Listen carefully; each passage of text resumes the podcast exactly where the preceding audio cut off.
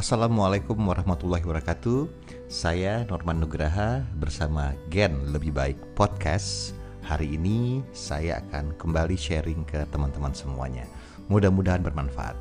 Teman-teman semua, saya juga selalu berdoa mudah-mudahan teman-teman tetap sehat walafiat dan bisnisnya juga semakin lancar. Oke, teman-teman, uh, kita lihat bahwa dalam kondisi seperti ini, uh, yang lagi happening sekarang itu adalah istilah new normal. Nah, kita kembali sebentar. Jadi sekitar tiga bulanan lalu, waktu mulainya isu pertama mengenai wabah ini, eh, berbagai macam perilaku manusia ditunjukkan. Ada yang mendapatkan euforia, begitu ada istilah work from home ada juga yang tidak peduli apakah work from home atau bukan yang penting bisnis jalan terus. Mau di rumah mau di mana pun mereka tetap melengkapi diri mereka dengan segala sesuatunya. Yang penting bisnis bisa berjalan. Karena memang istilah work from home itu sendiri ya memang kerja dari rumah bukan kita jadi seakan-akan liburan, tiduran di rumah, ya kan, main-main di rumah, nonton film sepanjang hari.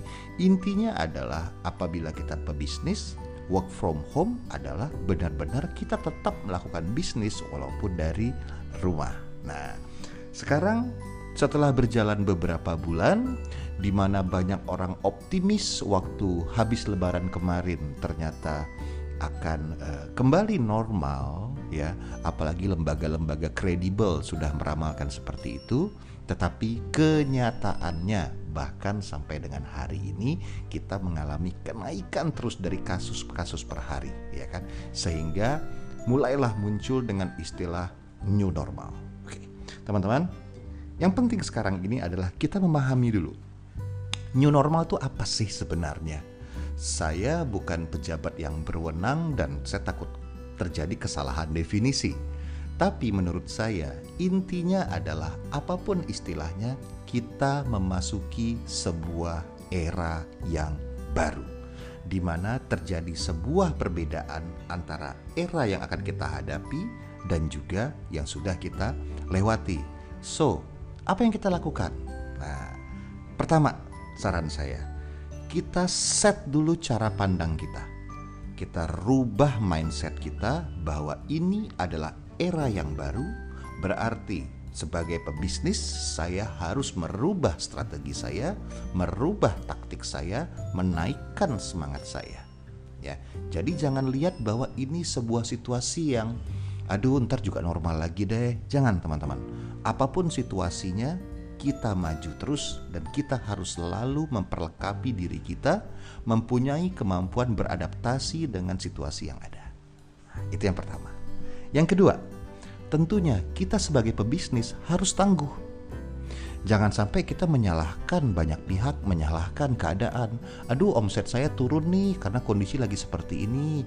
Aduh, gimana ya? Saya lagi agak susah memimpin tim saya, ya kan? Karena kita nggak bisa ketemu. Teman-teman, sekarang adalah eranya kebaikan teknologi, eranya digitalisasi. Banyak sekali aplikasi yang bisa membuat kita connect dengan orang-orang. Apakah kita menggunakan online messaging yang sangat banyak? Kita menggunakan inbox di sosial media atau messenger di sosial media, bahkan kita bisa menggunakan video conference. Ya, seyakin-yakinnya saya Akhirnya, video conference menjadi salah satu kebutuhan utama kita dalam berbisnis. Jadi kita harus tangguh, harus kuat, jangan cengeng, jangan manja. Ya kan? Lihat ke depan.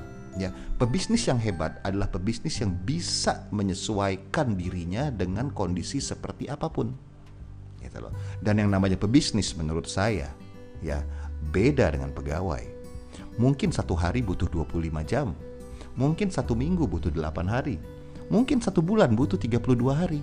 Karena biar gimana pun, yang namanya bisnis adalah di mana ada peluang, kita harus menuju ke sana.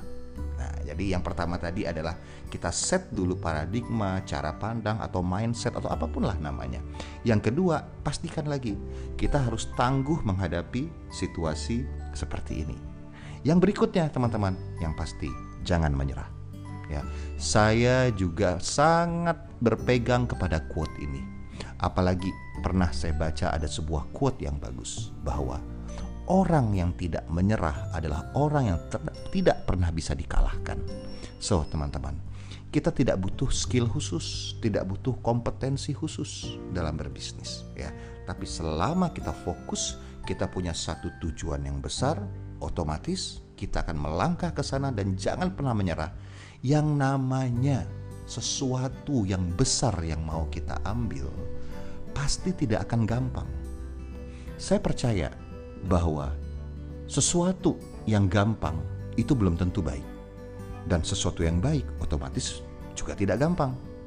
Kalau memang kita berharap segala sesuatunya gampang, mungkin yang kita dapatkan hanya payung, mungkin hanya sebuah cangkir cantik, hanya sebuah penghargaan yang biasa-biasa aja. Justru karena bisnis asuransi jiwa itu selama ini telah membuktikan bahwa banyak orang bisa merubah kehidupannya dengan jauh lebih baik, makanya prosesnya juga tidak gampang. Nah, di situlah kita harus telaten. Jangan menyerah. Halangan ada nggak? Pasti ada. Hambatan pasti ada nggak? Pasti ada. Sama aja lah kita mau ke sebuah tujuan. Pada saat kita mengendarai mobil, ya mungkin ada hambatan macet, ada hambatan jalan rusak, ada hambatan dan lain-lain. Apakah gara-gara hambatan itu kita akan putar balik lagi pulang ke rumah? Kan tidak ya dengan telaten kita terus sampai akhirnya kita mencapai tujuan. So teman-teman yang ketiga yang pasti jangan pernah menyerah. Yang keempat ya, adalah berpikiran besar. Ya teman-teman sebagai pebisnis kita harus tetap berpikiran besar dalam situasi seperti apa pun ya karena apa pikiran yang besar itu akan membuat kita melakukan hal-hal yang besar bukan cuma melakukan hal-hal yang besar, hati kita pun menjadi besar. Tidak gampang mengeluh, tidak gampang ngambek, tidak gampang baperan. Kita bisa menerima semuanya dengan hati kita yang sangat-sangat luas. Jadi berpikiran besar itu otomatis akan membuat perbuatan kita juga besar, hati kita juga besar. Dan hebatnya, kombinasi dari sebuah perbuatan yang besar dan hati yang besar, insya Allah hasilnya juga besar. Tapi kalau pikiran kita kecil, perbuatan kita juga kecil, hati kita juga sempit, gampang tersinggung, gampang baper, gampang ngambek, gampang mengeluh, dan hasilnya juga akan kecil. So, teman-teman, mari tetap berpikiran yang besar untuk sebuah hasil yang besar yang dikarenakan perbuatan dan hati yang besar. Jadi saya ulang lagi supaya kita tidak lupa nih ya, ada lima poin soalnya ya. Jadi yang pertama tadi adalah kita set paradigma kita, cara pandang kita, mindset kita. Yang kedua, tetap tangguh dalam situasi seperti apa pun. Yang ketiga, jangan pernah menyerah. Nah, yang keempat yang barusan saya bicarakan tadi, tetap kita punya pikiran yang besar. The magic of the thinking big. Insya Allah pikiran yang besar akan menghasilkan sesuatu yang besar. Dan teman-teman yang terakhir tentunya adalah tetap optimis. Kita sebagai manusia diciptakan oleh Allah Subhanahu wa taala pasti ada maksudnya. Ya, sekian banyak talenta yang sudah kita bawa sejak lahir. Kita punya akal budi, kita punya hati nurani. Di saat kita bilang kita akan bisa, insya Allah itu menjadi sebuah doa supaya yang di atas mendengar. Tapi pada saat kita bilang tidak bisa, ya mungkin doa itu nggak sampai dengan di atas. Ya selesailah sudah. So, tetap optimis teman-teman. Tetap optimis kita bisa kuat melewati situasi ini dan insya Allah bisnis kita tetap berjalan.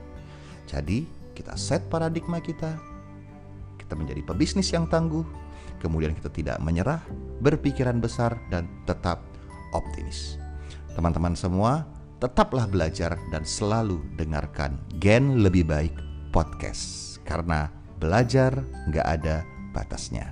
Assalamualaikum warahmatullahi wabarakatuh.